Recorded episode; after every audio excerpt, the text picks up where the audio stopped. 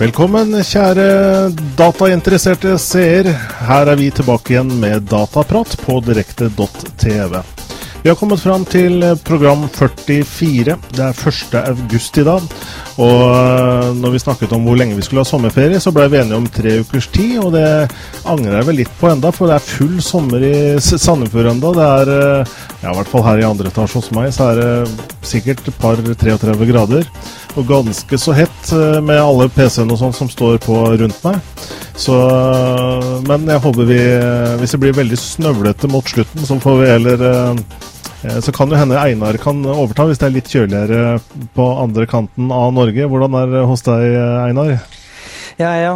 Det er nok litt svalere her, ja. Så her er oppholdsvær og tåke og skikkelig vestlandsvær. Ja, ok.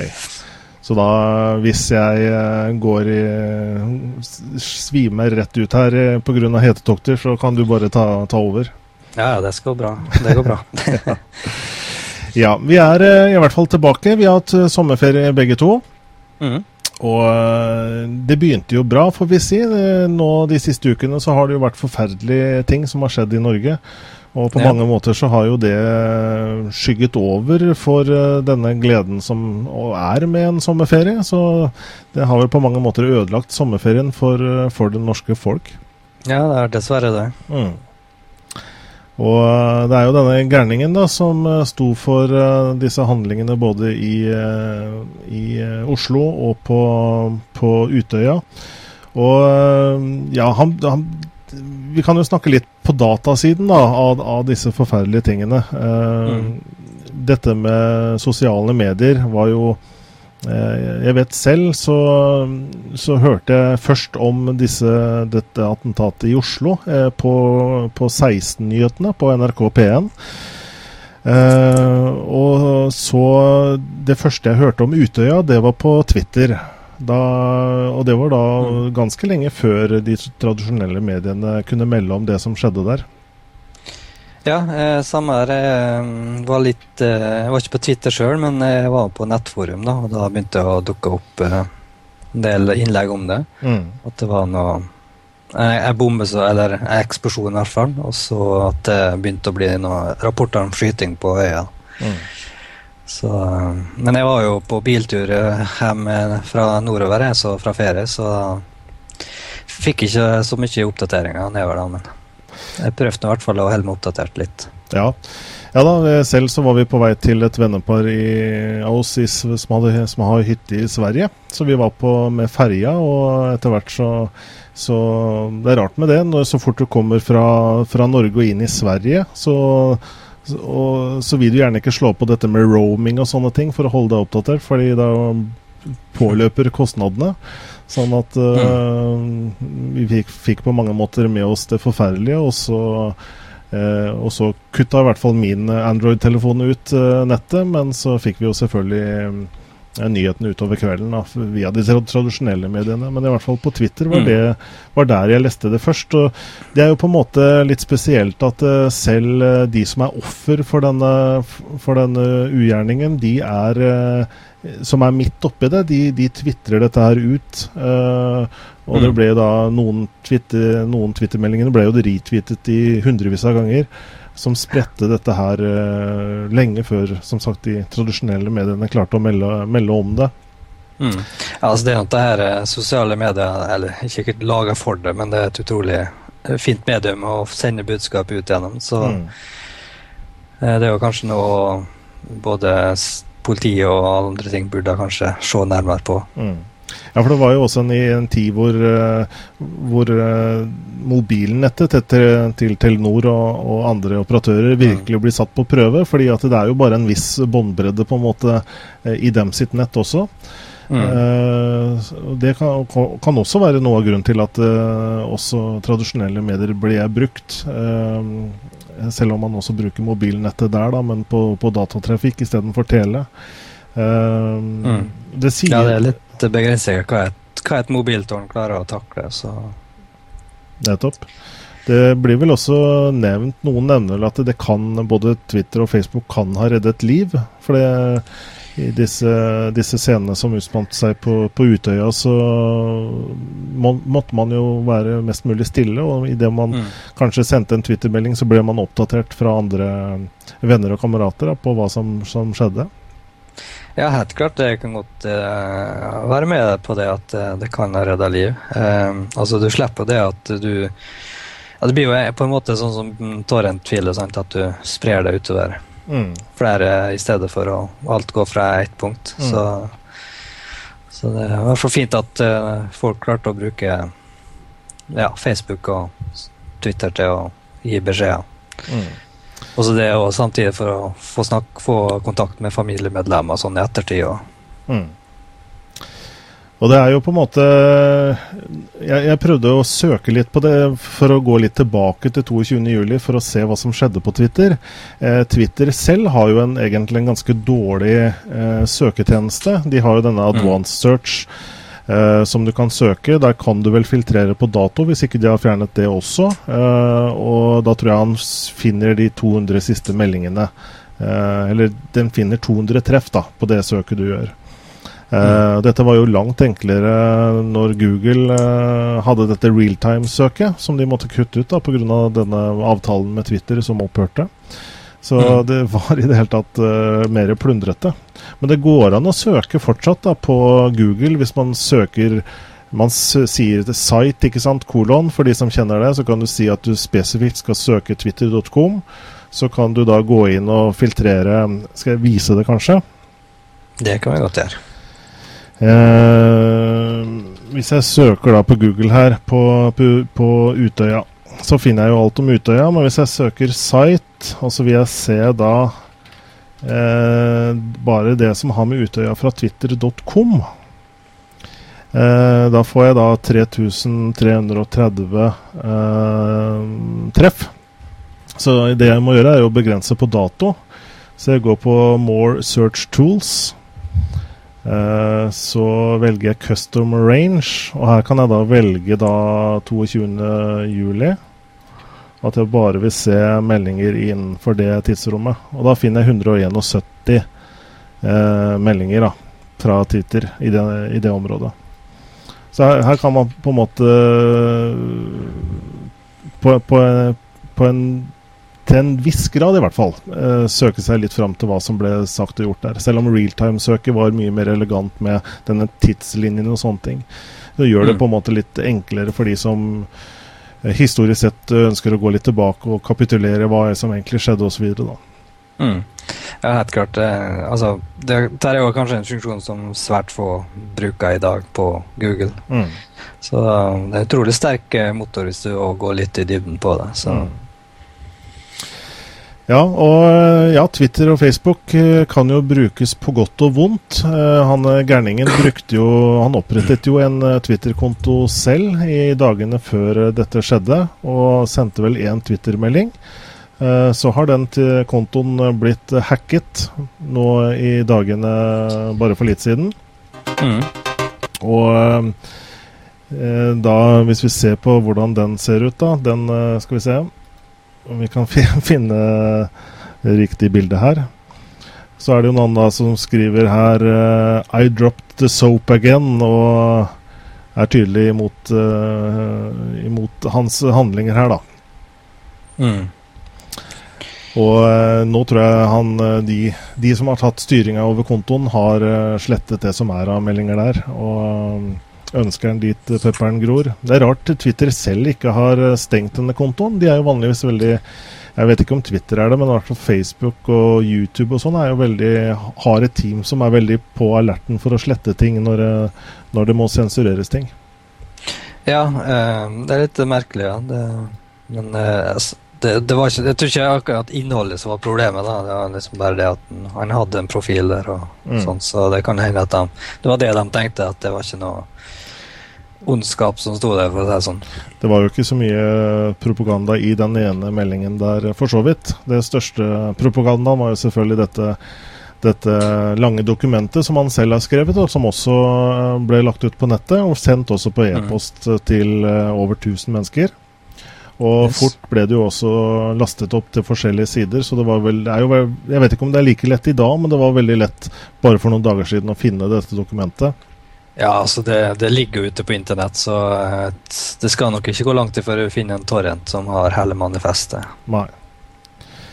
Og eh, det er klart, Google er jo en motor som gjør det også veldig lett å finne den type ting, selv om Google selv også har gått ut og sagt at de ønsker å gjøre noe med page-ranken. Altså selv om kanskje disse typer dokumentene er mye søkt i disse dager, så blir det vanskeligere og vanskeligere å finne det, fordi Google gir det en veldig lav rating, på en måte. Da, sånn at du, eh, du finner den ikke på førstesida lenger. Du må langt, langt tilbake i, i, leksa for å finne dokumentene.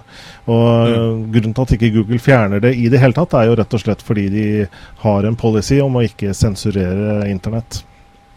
Nei, det er viktig at de står for det de har sagt fra før. Så mm. Altså, jeg, jeg syns ikke sensur er noe særlig uansett. Uh, altså, det finnes jo selvfølgelig uh, situasjoner der du må ty til det, da, men uh, det er ikke bra å sensurere for mye heller. Og det så vi nå hva som har skjedd nå i ettertid, etter det han som kom fram i manifestet også. Mm. Med tanke på spill og, og slike ting. Ja. ja. fordi han skriver jo i eh, manifestet sitt da, at han bl.a. kjøpte Modern Warfare 2. Eh, som han hevder da er muligens det beste eh, militærspillet. Eh, simulatoren, han kaller, bruker ordet simulator, som er fins der ute. Uh, han skriver ganske detaljert om at Modern Warfare 1 var han også innom, men det likte han ikke like godt som MV2. Også selv om han er mer uh, fantasy RPG kind of person, som han skriver. Ja, det, det var store jo i Manfest at han brukte WoW, da. Mm. Uh, at han spilte det i et års tid. Mm.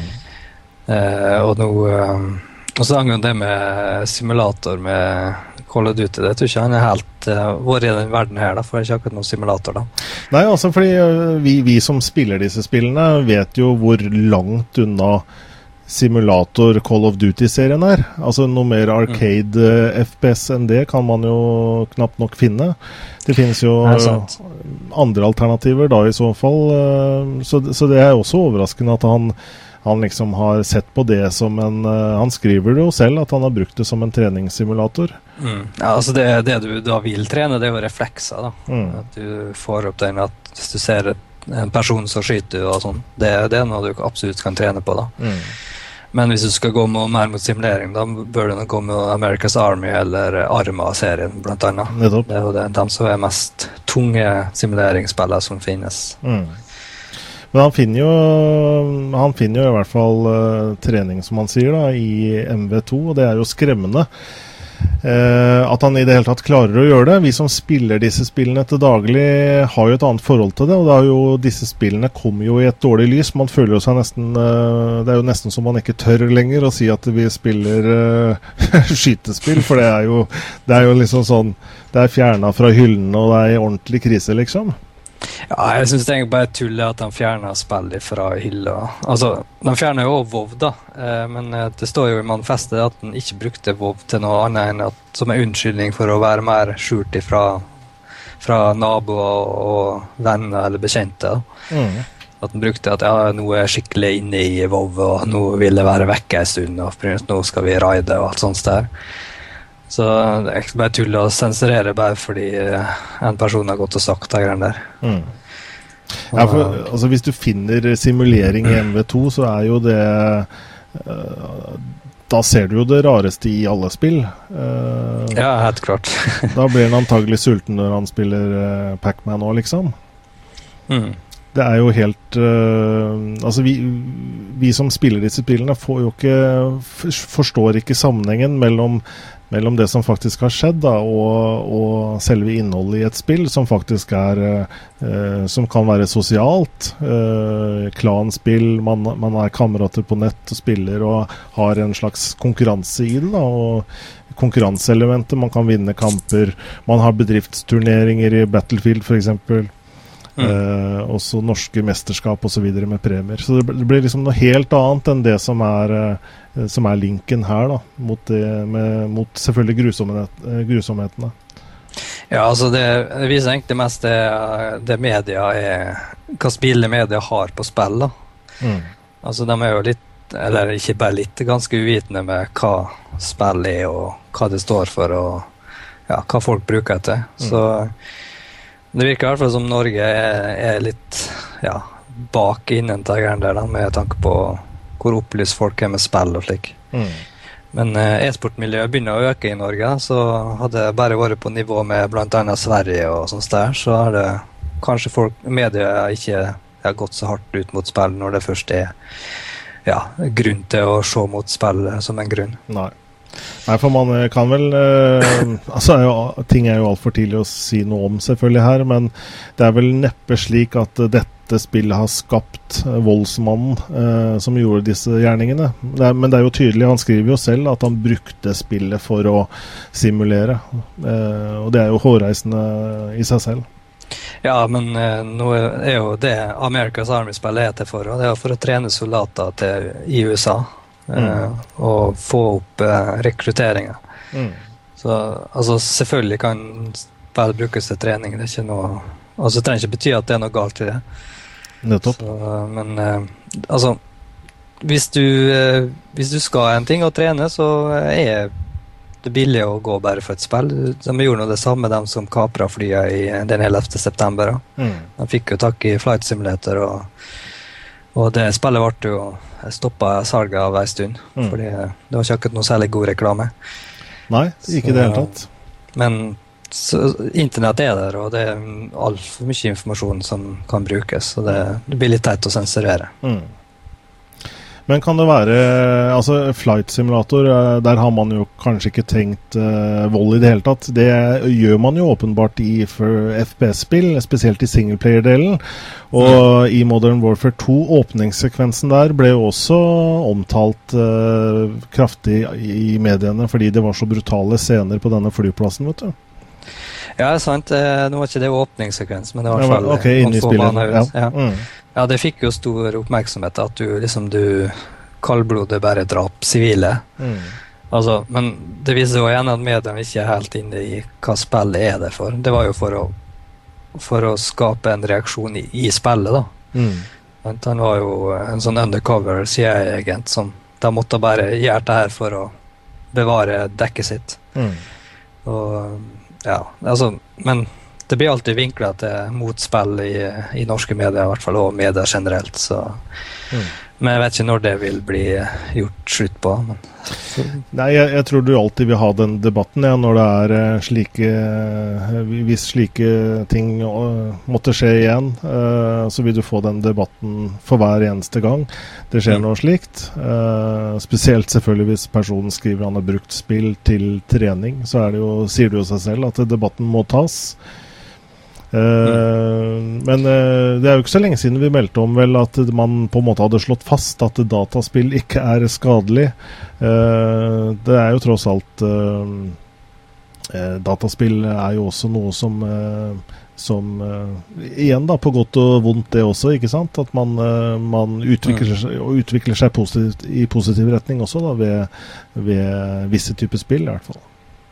Ja, altså hvis en da bruker Det er jo mest den uh, psyka til personen som er avhengig av hvilke reaksjoner han vil få av spill. Mm, mm. Og hvis du får Hvis du uh, Nå har jo denne, denne, personen tydeligvis hatt en overbevisning uh, ved siden av denne spillet som mm. har gjort at han har gjort selve handlingen, tydeligvis. da. Men hvis Uansett er man jo helt skrudd hvis man gjør en sånn forferdelig handling. Mm. Og eh, ja.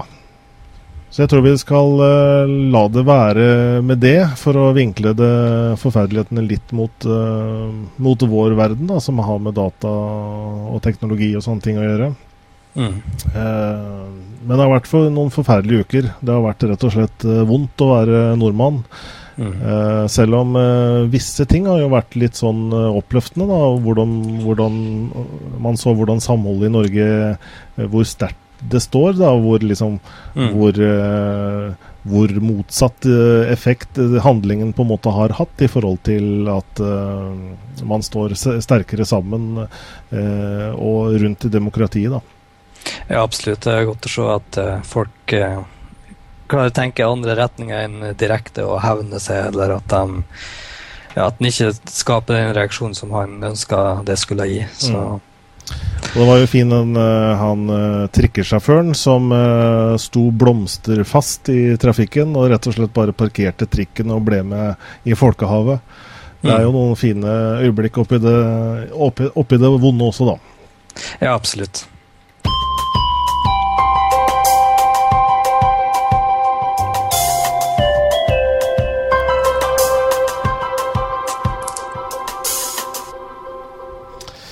Ja, eh, nok eh, om eh, terror. Vi skal snakke mer om det som vi brenner for, som er teknologi, data, internett, sosiale medier, spill. alt det som er egentlig er noe som alle burde interessert seg for, Einar. ja, vi gjør det snart. ja. og Google Eh, Google er jo noe vi altså Nå er jo dette program nummer 44. Jeg tror ikke det har gått et program enda hvor ikke vi har nevnt ordet Google, fordi at det har vært uh, mye å snakke om underveis. Og nå er det jo selvfølgelig uh, Google pluss, eller G pluss, eller G pluss, eller hva man ønsker å kalle det, som er det, det nye store nå fra, fra Google, da. Ja, eh, det er jo det har gått både opp og ned med Google pluss med tanke på oppmerksomheten. Så fikk i hvert fall stort, uh, stor uh, ja, påfyll med brukere i starten. Mm. Så, men nå ser det ut som det kanskje går litt nedover, da. Eller i hvert fall stagnert nå. Ja, stemmer. Fordi at uh, det har jo Det tok ikke mange, var det to uker, så hadde de 20 millioner brukere eller noe sånt nå. Mm. Uh, og hvor mange som er akkurat i skrivende stund. Det, da, det gikk jo en sånn kjempeboost, og så har det jo det fortsatt så jo, øker det jo veldig, da. Men det er jo altså i, for, hvert fall i forhold til hvor fort både Twitter og Facebook økte på samme tid. Men det er kanskje ikke riktig å sammenligne det, fordi Google har jo For det, for det første så vet man jo på en måte litt hva hva dette her er, på en måte. Altså man, eh, Twitter var mer sånn Hva i hule er det? Men nå vet man at det er et slags sosialt eh, medie man må sette seg inn i osv. Pluss at Google har jo såpass stor eh, De klarer å treffe så mange mennesker umiddelbart, da, i og med at de har så mange andre tjenester. Mm. sånn at det blir, det blir, ikke helt riktig å sammenligne veksten da, på, på, over tid. Ja, altså jeg regner med at når Google endelig åpner opp for alle, at det vil øke på ganske mye. Mm. Men problemet med, med med sånne tjenester er at det skal mye til for at folk ja, ditcher Facebook for å bruke Google pluss. Mm. Altså nå har jo Facebook eh, jeg vet ikke hvor gammelt Facebook er nå. Er det 2004 var vel 2004, ja. Eh, men da var det jo så, lokket da for universitetene i USA. Mm, så fem år, da, i hvert fall, eh, i, offentlige, mm. i det offentlige. Så det er jo Folk er jo der. Det er jo Nesten alle du kjenner, har en Facebook-profil. Mm. Om, om, ikke nærmest alle. Mm. Så Altså det, jeg tror det, det skal mye til for at Google eh, vil fange interesse. Altså, og hvis de skal det, så bør de levere varen med en gang. da. Ja, det er riktig. Det, fordi at, uh, men på en måte, de som uh, i hvert fall jeg finner det mye mer interessant egentlig på Google Plus enn på Facebook. Fordi at Eh, på Facebook så er det veldig mye fokus på hva skal jeg gjøre i dag, eh, og vær og vind, og hva som er til middag. Altså det er bedre sånn hverdagslige ting, da. Mens på Google Plus så er det litt mer om eh, Virker som de som er med fra starten, er litt mer teknologiinteresserte, og de skriver mer mm. Selvfølgelig er det jo en jobb for de som melder seg på der, for det skjer jo Det er jo veldig dødt til å begynne med, så man må jo gjøre en liten jobb med å adde folk. Mm. Eh, litt på samme måte som Twitter, at du kan følge folk du syns er eh, interessante. Sånn at eh, de må ikke liksom akseptere deg som en venn. For det er ikke et sånn Facebook-forhold, for å kalle det det. da. Mm. Og på den, på, på den måten så har i hvert fall jeg prøvd å liksom få samle inn litt folk, og begynner nå å se, se at det er et interessant verktøy for meg. da. Eh, og så er egentlig Facebook eh, til noe annet eh, for meg enn en det Google Plus er eh, så langt. da. Ja, altså For meg er Facebook egentlig bare et stort mas. da. Mm. altså Vertshuset skal være innpå her hele tida. Det er jo ja, stort sett så postes det ting som jeg absolutt ikke har noe interesse av. Uh, men det, det, er jo egentlig alt sånn med nye ting. da, Det er jo stort sett bare ja, nerdene som hopper på. Så, så i starten så vil nok kvaliteten være ganske høyere på Google pluss, men jeg regner med at ikke det at den nødvendigvis vil dette, men uh, det vil da komme mer ja, vanlige folk, og, og, innholdet vil komme mer mot dagligdagse ting der òg. Så mm. det er jo ikke til å unngå, tror jeg. Uansett hva vi prøver. Nei, det er klart, fordi, men det er jo delt opp i disse sirklene. Da, sånn at du kan da ha, lage en sirkel med familie, venner og sånne ting. Og så kan du lage en sirkel med folk du syns er interessant å følge osv. Og, så og da kan man i hvert fall klikke på de sirklene, litt avhengig av hva slags type innhold man ønsker å ha. Liksom Hva er det vennene mine driver med nå, så kan du trykke på den sirkelen. Er du mer teknologiinteressert, så trykker du på den sirkelen. Men det fordrer jo at man har vært litt Eh, brukt litt tid på det. Da. Og det er jo det som eh, det som uh, han godeste Jeff Weiner, fra, som er sjef for LinkedIn, som hevder at Google Plus ikke vil lykkes fordi at det, det, er for mye å sette seg inn i for folk. da. Uh, det er jo lett for han å si, selvfølgelig, som, uh, som frykter, en, frykter, en, stor konkurrent her. Ja, altså det, det er noe jeg liker med Google Plus, er at du har mer kontroll over hva du deler og hvem du deler med. Mm. Så eh, med Facebook så poster jeg jo til alle uansett hva du gjør, om du da ikke stiller det inn fra starten av, eller fra før du gjør det. Mm. Så eh, det er mye enklere å gjøre sånn med Google, da, så det håper jeg eh, de bevarer. og det det kan bli interessant når jeg får mer kontakter på Google+. Men jeg, jeg har dessverre ikke fått brukt det så like mye som jeg hadde håpet i ferien. Mm. nå regner jeg med at jeg begynner å se litt mer grundig på det og sjekke ut ting. Mm, mm. Eh, du nevner det at man har litt mer kontroll på deling av sånne ting. Man skal være litt obs på Picasa-delen. Altså det er jo da denne nett, mm. disse bildet, bildetjenesten til Google, da, for å kalle det det. Mm. Eh, har jo fått en litt ny eh, hva skal jeg si, De har endret litt på filosofien bak nettalbumet Picasa, nå som G pluss uh, uh, kommer inn fra siden. Sånn at man liksom skal smelte disse tjenestene litt mer sammen. Og det man skal passe på da eh, Det er mulig jeg går litt i dybden nå, men eh, det som jeg fikk Det som jeg fikk eh, som en liten sånn aha-opplevelse, det var at jeg har jo da Jeg bruker jo da Picasa eh, nettalbumet som en slags backup også av, av, bildene mine. Fordi at det er en synk mellom bildene jeg har på PC-en og med eh, nettstedet mitt på Altså Google sitt nettsted av Picasa. Eh, og det, der har jeg for, for, De aller fleste bildene der er private, fordi det er mine bilder som jeg ikke har eh, noe behov, behov for å dele. Mm. Uh, så var det en, så hadde jeg lastet opp alle bildene som jeg hadde tatt med denne Android-telefonen. Og så hadde jeg tatt et bilde av en kollega. Så skrev jeg liksom bare på, på nett at ja, det er han. Så skrev jeg hans sitt navn og strykte enter. Og så det jeg da ikke var klar over, det var at han fikk en e-post fra Google at eh, hei, her er noen tagget deg. Og han fikk da se bildet sitt, men han får også tilgang til hele det albumet som han er inkludert i. Og det er jo Det er make no sense, spør du meg. At, uh, altså, muligens det ene bildet da, som han har tagget i, men hvorfor skal han se hele albumet? Ikke det at det var så farlig for min del, men det, det er nok noen som får seg en aha-opplevelse her, altså. Ja, det kan være litt farlig der. Uh, nå vet jeg ikke om Facebook er noe særlig forskjellig. Uh, jeg lurer på om det faktisk gir alle tilgang, bare at du kan se hva du er tagga i. da. Mm. Men eh, det er umulig jeg deler litt feil, da, men jeg er ikke så stor bruker av Facebook at det er noe.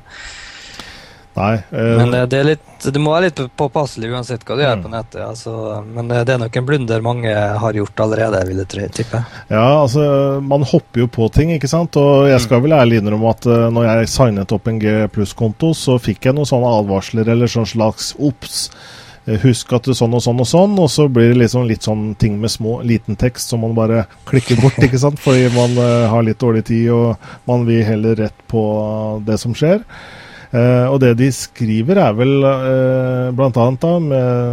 For, å for å lese rett av Å legge til en navnelapp for et bilde er ikke lenger en privat handling. Kontakten din vil få e-post uh, at du merket han.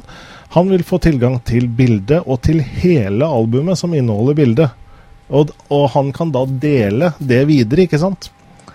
Ja, det at han kan dele videre, er litt skummelt, da. Mm. Altså, altså, ja. Har du delt det til én person, så mister jo du allerede kontrollen over hvor det bildet havner. Mm. Så.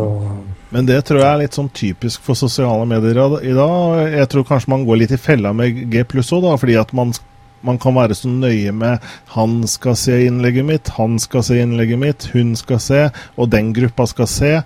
Du kan gjøre sånn, og så plutselig så tar de tak i meldinga og bare deler den ut hele resten av verden på et mm. blunk. Mm. Og det tenker man kanskje ikke over. Men selv også når du tar en, eh, en privatmelding til én person, så må man jo tenke på at det er veldig fort for den personen, hvis, man, uh, hvis ikke det er den, din beste venn, å ta et skjermbilde av posten og sende det mm. ut på nettet. Så man, uh, jeg tror man uansett skal være, tenke seg om når man skriver ting.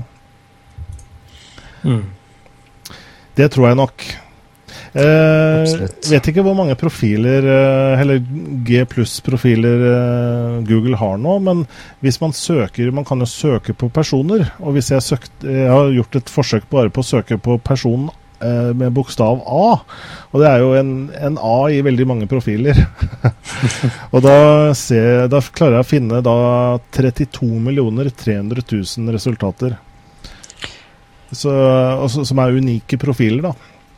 Ja, At det er som har A i helt tatt i profilnavnet, ikke eller? Ja, som har i profilnavnet eller i profilen sin. Altså som, okay. eh, som jobber med et eller annet med A, eller som har gått på en skole med A. Sånn at du fanger egentlig opp veldig mange ting, da.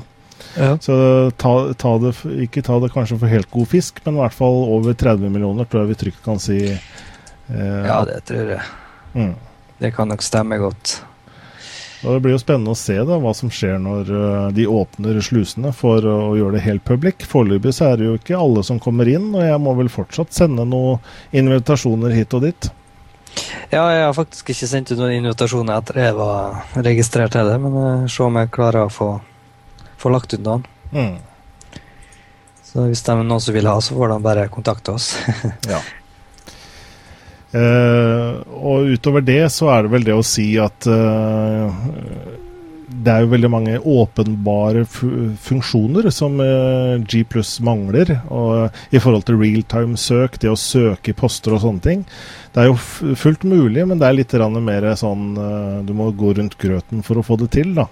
Du må liksom spesifikt si at du skal søke på Google Plus i site osv. Så, videre, så det er ikke så brukervennlig for hvermannsen.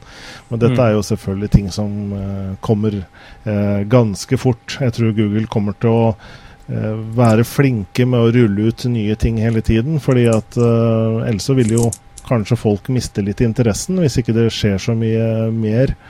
Eh, men det tror jeg Google vil være flinke til, og hele tida fylle på med noe som holder interessen oppe. Ja, Det som egentlig Google har mest problem er at de fjerner ting da, eh, mm. som da folk har brukt en stund. Så mm. jeg håper ikke noe som skjer med Google Pluss. Da tror jeg nok fort at eh, folk vil eh, tenke seg litt mer om til før de registrerer seg der. Mm. Og i det hele tatt Tenk deg eh, hvor vanskelig det er for en utviklergruppe å eh, Hva skal jeg si og det å snakke om ny funksjonalitet, da, hvis man i det hele tatt må fjerne noe, hva skal du fjerne? Fordi at når du har millioner på millioner av brukere, så vil du aldri få en entydig svar om det ønsker vi og det ønsker vi ikke. Du vil alltid ha en stor uenighet om hva, hva, hva man ønsker og hva man ikke ønsker. Så det er veldig vanskelig å treffe, treffe der hele tiden. Ja, eh, nå hadde jo Google lagt en sånn eh, side der du kan se på hvilke nye, nye, ting som er kommet. Også, så for å hjelpe litt mer den som bruker det mye, og se hva, hva funksjoner de kan teste og, og, sjekke ut. Ja, stemmer. Så det er litt greit at de har. Eh, men igjen, det er jo det er jo mer for de tekniske folka, altså de som først registrerte seg, de mer datainteresserte. så det er bra at de gir dem muligheter til å, å, å se ting og, og, før de andre kommer inn og, og tar det i bruk. Mm. Ja, vi, det er spennende å se framover nå hvordan tjenesten utvikler seg. Jeg syns den er eh, Jeg er jo litt Google-fanboy, da, jeg må, til, må innrømme det. Som Android-bruker, som Gmail-bruker, som eh, kalenderbruker, som eh, Picasa-bruker. Så er det jo selvfølgelig blir man litt farget at man ønsker så gjerne òg at tjenesten skal lykkes. Ja, det er noe sant. Eh, altså, jeg bruker jo de tjenestene jeg liker. og det er ikke noe galt i å like mye av det Google er nå. så... Mm. Og så tror jeg Google oppriktig har prøvd å tenke litt nytt. da. Ikke, de har ikke prøvd å lage en, en, kopi eller en direkte konkurrent, men de lager noe midt imellom. Det er liksom litt Twitter, og det er litt Facebook, og det er litt Det er på en måte eh, Noen har sikkert sett dette evolusjonbildet, at man liksom Google har lært litt av av uh, right and wrong da, i årene som har gått nå. Fra, både fra Twitter og fra Facebook og, og MySpace og hva det måtte være. Ja, og, også, og, seg selv, ikke minst. De har jo gått på en smell selv med, ja, med, med tidligere. Ja, men jeg, jeg, føler egentlig Google sliter litt med å liksom trenge gjennom det nå. Eh, altså, det er jo stort sett bare søkemotoren. Det er en grunn til at Google eksisterer i dag. Liksom, bortsett fra søkemotoren så er det ikke akkurat så mye de du kan gjenkjenne Google med. Er Gmail, da. Vi er vel nesten kalle ja. Eh, kanskje litt, men eh, altså Du forbinder Google med søkemotoren. Ja, ja absolutt. Det, ja. Mm. Ja. og så er det en i chatten som skriver han Skotner, da. Maps. Det er jo sant, men ja. eh, jeg regner med hvis du spør eh, folk, så er det stort sett bare søking det folk forbinder Google med. Og det er sånn De klarer liksom ikke helt fremme noe annet, da. Så jeg tror, jeg, det syns jeg nå Google sliter litt med. Mm. Men det kan hende eh, G nå vil uh, utvikle seg litt videre, da. Mm. Nei, for Google selvfølgelig i seg selv er jo en voldsom merkevare, men det er klart hva, hva forbinder folk med Google? Og jeg er enig med deg at det er jo selvfølgelig mange De fleste vil jo si, si uh, uh, søkemotoren. Og det å google, det er jo et verb etter hvert, ikke sant? At man skal søke. Eh, men eh, det er klart at det er veldig mange nå som har blitt eh, avhengig av alle mulige andre tjenester fra Google. Og jeg hadde jo slitt, jeg, hvis Gmail hadde blitt borte, eller kalender eller Maps, som Skotner nevner her. Og er jo helt genialt. Det er et kjempeverktøy. Ja, og liksom sånn som Street View. Jeg mener det å ta bilder, 360 graders bilder hvert tiende meter i alle gater og veier i hele Norge og i hele verden. Hvem er det som hadde funnet på det, liksom? Det er jo ja, en helt absurd uh, tanke, men det er faktisk mulig. Det er bare å gå inn og se hvordan det ser ut der som jeg skal på ferie, og da kan vi kjøre dit, og der var en mm. restaurant, ja. Det er helt fantastisk. Ja, altså det er et storbragd det Google har fått til med Google Maps òg. Det er sant. Så jeg skal nok ikke ta det helt uh, få gitt dem eller funksjonene de har gitt, her, gitt oss der. Nei. Men de, de er jo massive, så de må jo få ressursene sine en plass. Så. Ja. Og det er klart det er jo annonseinntekter, og det er jo, nå er jo Google pluss litt skåna fra det. da. Og det er klart eh, på et eller annet mm. tidspunkt så vil jo Google putte noe inn der òg. Får vi håpe at ikke det blir like voldsomt masete sånn som Facebook er, da, med alle mulige spill og add-ons og, og møkk som er, er med der. Ja, Skotte legger her i chatten at uh, det er nok et generasjonsproblem. da, At uh, vi, vi, før Google tenker som en søkemotor, og mens de nå tenker Google som internett. Og det, det er faktisk et ganske godt poeng. Mm. Så det er absolutt noe i det. Mm. Vi følger spent med videre, i hvert fall på Google og Google Plus. Og selv så holder jeg en knapp på produktet. Og hva sier du, Einar? Jeg må bruke det mer, men det ser lovende ut, i hvert fall. Ja.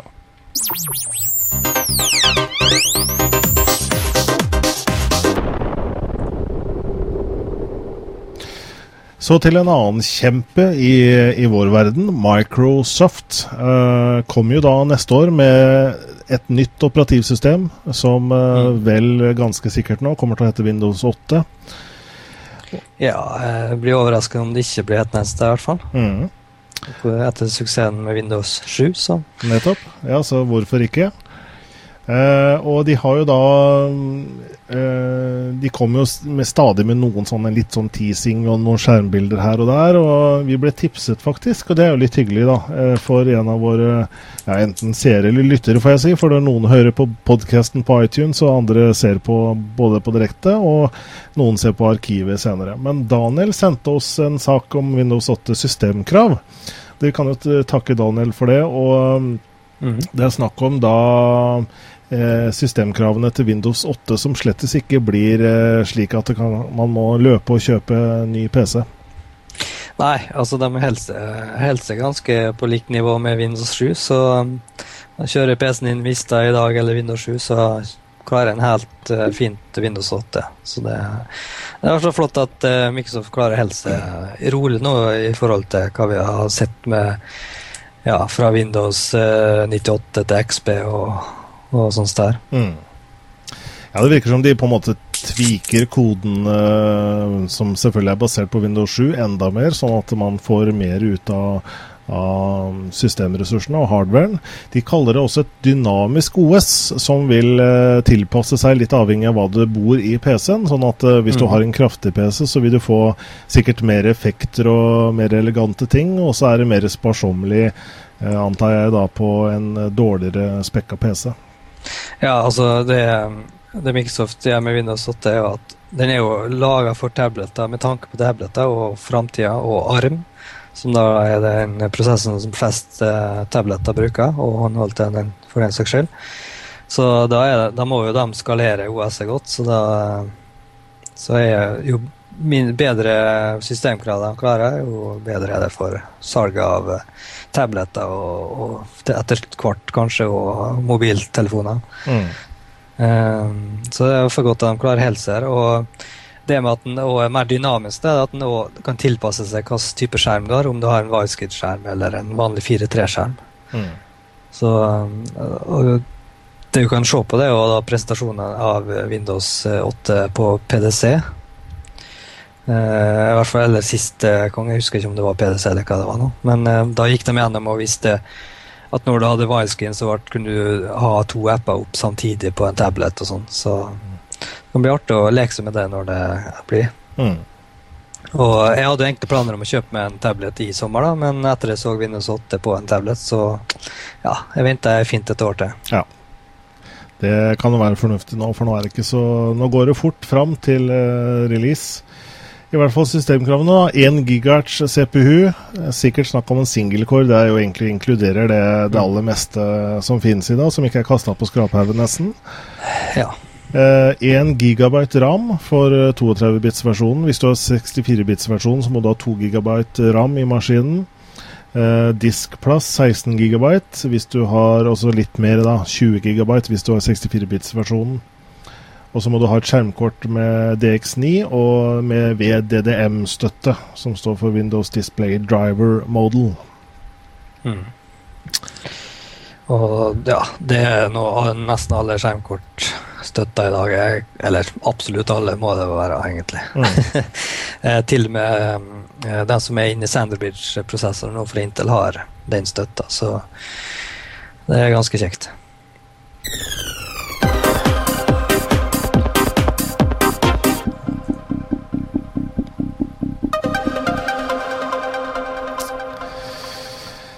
Ja, eh, til eh, datasikkerhet så har vi, vi har en liten sånn fast innslag i sendingene våre fra, hvor vi bl.a. melder fra Telenor sitt sik sikkerhetssenter, TSOK. De har jo mm. analytikere som, uh, som, sitter døgnkontinuerlig og følger med på datatrafikken til kundene sine og analyserer og ser om det er noen, noe, noe, farlig på ferde da, når det gjelder uh, teknologi, datatrafikk, innbrudd. Ehm, og hackingforsøk osv. Så mm. Sårbarheter, ikke minst. Uh, patcher osv.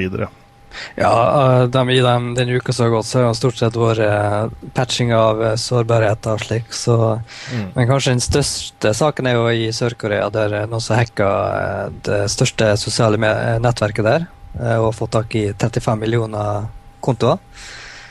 Og det er jo ganske stort. Mm. Så hacking er fremdeles et stort problem eh, rundt omkring på nettet. Mm.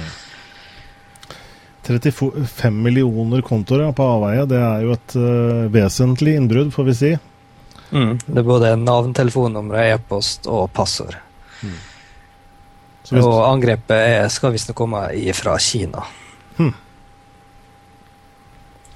Og Kina er jo en stor hackerskare, så mm. det er ikke så stor overraskelse sånn sett. Nei.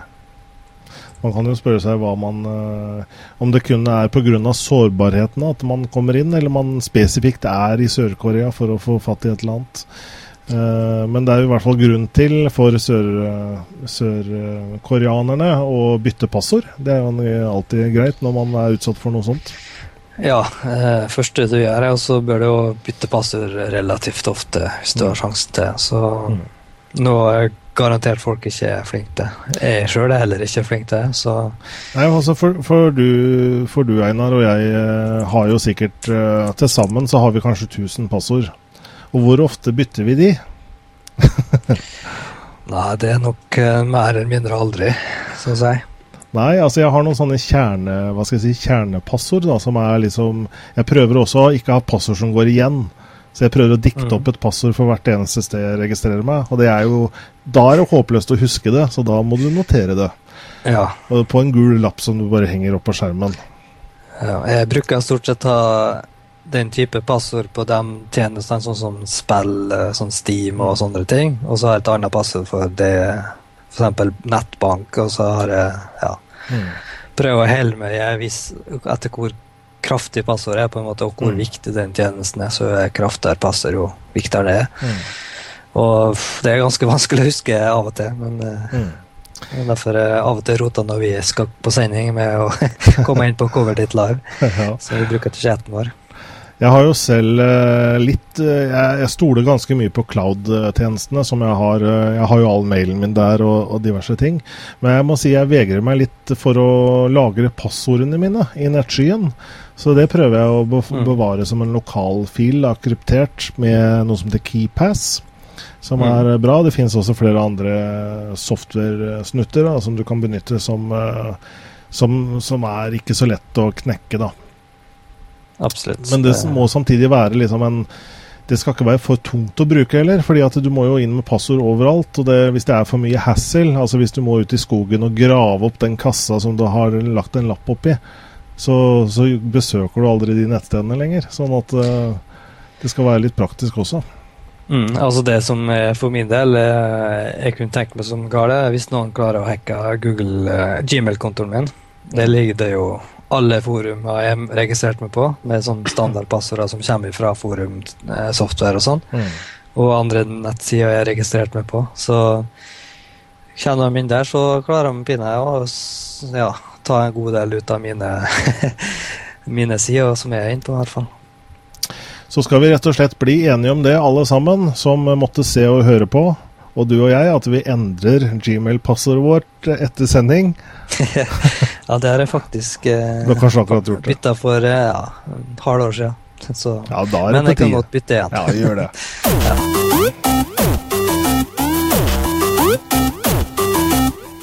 Ja, jeg holder koken enda. Det er snart 40 varmegrader her oppe. Det hjalp ikke med fire-fem PC-er som pumper på, samtidig som det er sånn sånn halvannen etasje med skrå, sk, skråtak. Det blir kanskje ja, litt Jeg har ei vifte her, men ja. det, det, nå er jeg ikke så vant med men det, det er godt å ha ei vifte som blåser på meg. Jeg har ei vifte, jeg òg. Jeg håper ikke det slår for mye inn på mikrofonen her. Jeg tror det skal være greit. Åssen eh, går det med den eh, 3DS Nintendoen? Har du brukt den noe særlig? Jeg vet du kjøpte den jo med en gang den hadde release i Norge. Eh, ja, i sommer har jeg brukt den jeg fikk tak i Ocarina of Time 3D, så jeg har spilt det ganske mye. Mm -hmm. Men eh, bortsett fra det, så er det ganske lite, ja. ja. Så, men eh, problemet er jo spilltørke, da. At det går litt langt mellom de gode utgivelsene, ja. Mm. Mm. Det, det, problemet har Nintendo hatt i ja, mange ganger. Så de har ennå ikke klart å gjort det bedre ennå. Mm. Så nå uh, har vi jo en billigere 3DS, da. Ja, Nintendo har satt ned prisen. Jeg vet ikke om det er eh, Det var litt opp og ned, skjønner du. fordi at den, den hadde vel en lanseringspris på 2290 eller noe der omkring. Mm. Uh, og så tidligere i uken, så, eller forrige uke var det vel, så hadde plutselig uh, Elkjøp denne til 1690 kroner. Og det tok ikke mange timene, tror jeg, før, uh, før, de satte opp prisen igjen. Så det var tydeligvis et eller annet uh, der. Men uh, i hvert fall nå så ligger den da til 1995, da. For den blå og den i sort. Ja, altså det, nå er det faktisk satt ned til den veiledningspris på 169 eh, dollar. da. Mm. Det var jo på 250 dollar. Så Men eh, han presidenten i Nintendo, eh, Ivate, han eh, ville ta eh, minske lønninga si med 50% som er ganske drastisk, ja. for å, å, øke det salget, da, for å senke prisen. Så har han da gitt 3DS eh, fire måneder på å bli bedre på Eh, salgsmessig. Men eh, problemet er ikke akkurat direkte prisen, det er spillene som da ikke kommer. Mm. Ja, fordi... Og det er ikke før i høst at det begynner å dukke opp noen interessante, bortsett fra Ocarina of Time, da, som da er, det er egentlig bare en remake. da. Mm. Ja, jeg tror nok det. Men det er klart, nå har de nok litt å gå på. Eh, jeg så komplett hadde den vel fortsatt 2290, men hvis den kommer ned på rundt 1500 kroner, så tror jeg i hvert fall mange si foreldre da, som skal kjøpe en DS til barna sine, ikke lenger trenger å eh, Eller ikke ønsker lenger å kjøpe de andre utgavene, da, fordi da er i hvert fall den 3DS såpass rimelig, kan du si. at eh, Og så har den jo da 3D, 3D, og den har en del andre ting da, som eh, nå går vel de, de aller enkleste DS-ene De går vel til 700-800 kroner, tror jeg. Mm. ja, altså det vil jo vil jo helt klart hjelpe på salget, men det, det vil bare hjelpe i en viss periode. Mm. Uh, altså, folk, I starten så blir det alltid sånn wow-effekt av det, men uh, skal du ha et produkt uh, Altså interesse og helse oppe blant folk, så må du ha spill og mm. innhold. Helt klart. Så høsten, da kommer det flere titler som kanskje vi Og da får vi håpe vi rekker det, da, før han sjefen må gå av. Ja, spørs.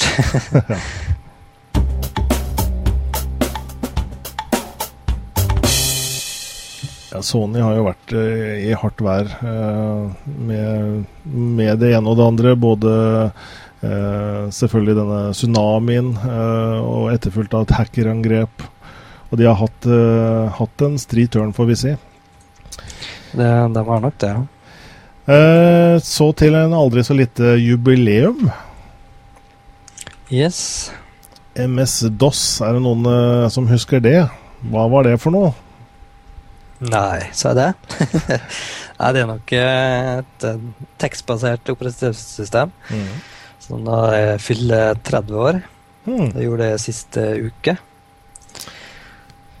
Så det kom da ut i 1981. Så det er faktisk nesten like gammel som meg. Det er ikke verst tenke seg det, du. At altså det var jo Det var mange, mange år før jeg hadde et forhold til MS-DOS. Jeg hadde vel kanskje et forhold til MS-DOS på slutten av 80-tallet. Eh, mm. Og da kan du si selv, selv da med ti, ti år så, på markedet, så, så var det fortsatt tekstbasert før Windows 1.0 kom ut. Ja, Windows, uh, når var Windows 1.0 kom ut, da? Jeg tror det var i 85 eller noe sånt. Ja. Eh, 85 eller 86. Men det var liksom eh, fortsatt MS-DOS allikevel på maskinene som ble solgt, fordi Ja, eh, MS-DOS var faktisk helt opp til Windows 98. Mm. For det var liksom eh, første Windows-baserte OS-et som jeg fikk, var jo Windows 311. Mm. Så jeg så jo aldri Windows 1.0. Det var liksom MS-DOS helt opp til Windows 3.11.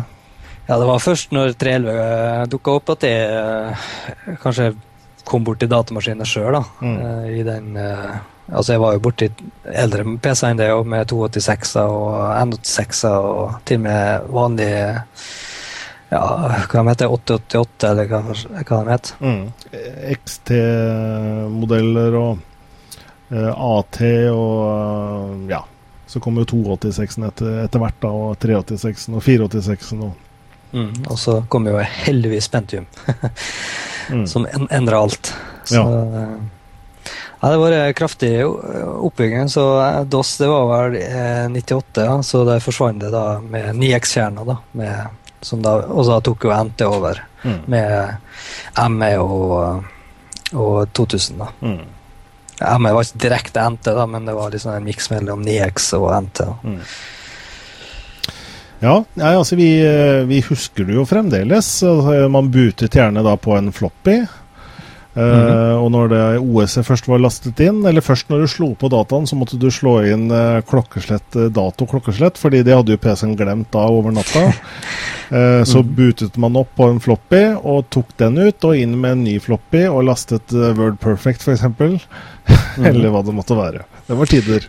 Ja, det var litt et opplegg der. Så, og det det var ikke så enkelt som å dobbeltklikke på noe. Her måtte du skrive alt og navigere det fram. Mm. Og, altså, jeg tipper de fleste ungdommer i dag ikke har peiling hva DOS er for noe. Ja, sånn som spill og sånn, ikke sant. Som eh, krevde ofte MS-DOS for å virke. Og du måtte virkelig ha mm. svart belte i MS-DOS for å klare å få lyd i spillene, f.eks. Og, og sette opp Soundblaster-kort i DOS. Mm. Det var et herk. Uff. Det var jo, gikk som en drøm når man hadde gjort det noen ganger, men uh, du måtte jo lære det òg, da. Ja, måtte. Det har blitt litt enklere i dag, får vi si. Ja, Skotner han savna batch-programmering, men uh, det er nok noe, du, uh, noe, som finnes mye av ennå. det er noe jeg sjøl er en del borti. da. Ikke direkte programmering, men lage, lage enkle batch-skript. Ja, det gjør jo hverdagen enklere for en uh, IT-person. Mm. Ja, for du kan gjøre ganske mange eh, skript, kompliserte skripteting da, med en sånn type BAT-fil, en tekstfil du skriver som, som, kan gjøre forskjellige operasjoner. Da, som du kan starte f.eks. med en sånn scheduler. Mm. Ja. Mm. Absolutt. Det er mye mange gode triks du kan lære der. Så, som å skru av PC-en etter et visst tidspunkt, eller uh, starte en schedule når den PC-en skal tas ned, eller du kan mm. kjøre faktisk uh, med støtte av VBS-skript og, mm. og, ta Windows Update automatisk og sånn. Mm.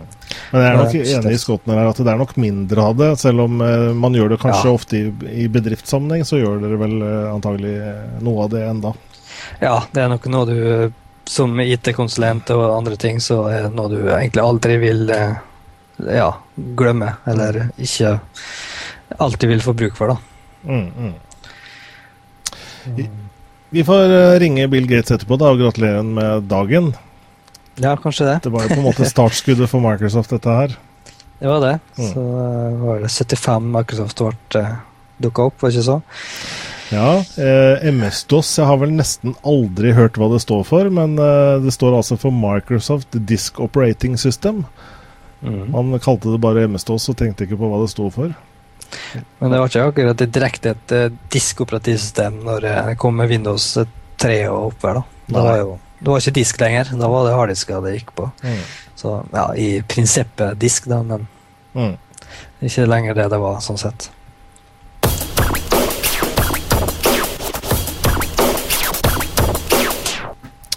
Jeg har jo en Galaxy Tab. Jeg har den ikke akkurat her. Han han er ikke så langt unna meg, forresten. Men uh, den og Galaxy Tabber i Australia, det er ikke så lett å få tak i nå. For nå er, har uh, Du vet, vi har snakket om det tidligere, at det var en rettssak pågående mellom Samsung og, og Apple. Ja, stemmer det. Og snakk om å kopiere design og, og slik. Mm. Så har de i hvert fall tydeligvis da foreløpig vunnet frem i Australia, og der er da Galaxy Tab ikke lenger i salg, men det er siste ord er ikke sagt der, da. Men uh, det er klart skulle uh, Microsoft Nei, glem Microsoft, vi snakket om det. Skulle, nå begynner det å bli varmt her. Skulle uh, Apple vinne, så ville det jo være helt en helt unik sak. Veldig spesielt hvis Samsung må trekke Galaxy Tab. Jeg tror ikke det kommer til å ende slik. Nei, altså Det er jo helt klart et, uh, en viktig seier for Apple. da. Uh, så det kan godt hende at det her vil snu uh, ting videre i andre land og andre kontinent. Mm. Men nå vet jeg ikke helt akkurat hva de vant gjennom på, da, men sånn direkte. det står ikke noe spesielt om det her, men på ti punkter står det her. Mm. Ja ti, ti patenter. Det er jo ganske mye. Blant annet av måten hvordan pekeskjermen fungerer på? Ja, jeg liker ikke den der. da. Altså, Apple har jo patentert multitouch-gesturer eh, og litt sånn forskjellig. og det er jo nesten som å patentere at hjulet skal være rundt. Det er ikke så ja. praktisk å ha det noen andre måter enn rundt. Ja, det er akkurat som på den måten der hater jeg patenter. For det, det er så mye dritt å lete opp bare hvis du virkelig prøver. Du klarer å grave opp egentlig alt alle patenter snart begynner snart å ligne på hverandre innen et visst felt. Så mm. jeg kan ikke tenke meg å være patentgransker. Eh, det må være litt av en jobb. Mm.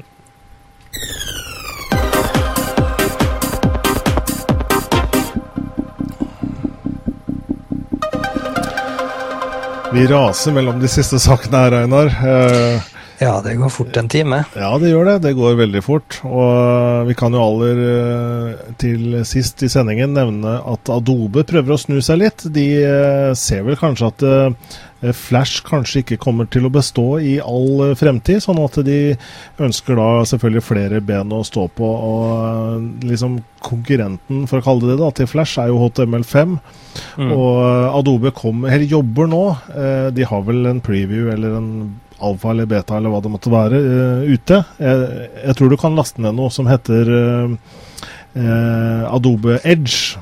Som er et HTML5-verktøy for å lage HTML5-sider. Og det skal ha release en eller annen gang i 2012. Mm. Altså, det er jo egentlig et på en måte en viktig seier for HTML5. da. Eh, at nå, nå, er kanskje den største konkurrenten da mer fleksibel, og mm. det kan hende vi nå går mot mer HTML5 eh, framover. Mm. Eh, apropos det, så har jo den nettsida jeg er mest inne på, sånn Windows og teknologimessig, neovind.net, oppdatert sitt design for HTML5. da. Mm. Så altså, det er jo noe mer flere sider vil komme inn på etter hvert. og så det, det, er godt at Adobe nå ja, åpner litt for ting. Mm, mm. Eh, en anerkjennelse fra Adobe til HTML5. Det, og det er klart Adobe har mye bra verktøy, så man skal ikke mm. kimse av en gang HTML5-verktøyet til eh, Adobe. Nei, det er helt klart at de vil eh, legge mye ressurser i dette her. Altså det, det, er viktig for Adobe at de ikke mister den der ja, flash-fokuset. Ja, at, mm. at, de kan de, de, er ikke helt blinde, at de forstår at folk vil ha alternativ. Mm, mm. Så jeg tror nok de eh, kanskje vil eh, ikke miste Eller de tar, tar, vare på brukerne sine. At de bruker en helse til Flash og noe, da. Eller Adobe, da. Mm, mm. ja, da tror jeg vi setter strek der, Einar. Det var hyggelig å se deg igjen etter ja. uh, tre ukers sommerferie. ja, det òg. Så det var godt med en liten ferie òg. ja, det var deilig. Og nå er vi i gang igjen med høsten uh, etter hvert. Og da er det mye spennende å prate om uh, framover. Oh, yes. Kanskje vi skal prøve hangout litt også med Google, og prøve å få med noen av seerne og kan diskutere ting og tang? Ja, det var artig å teste ut. Mm. Da ses vi neste mandag, Einar. Yes, det gjør vi. Ha det bra, da. Ha det.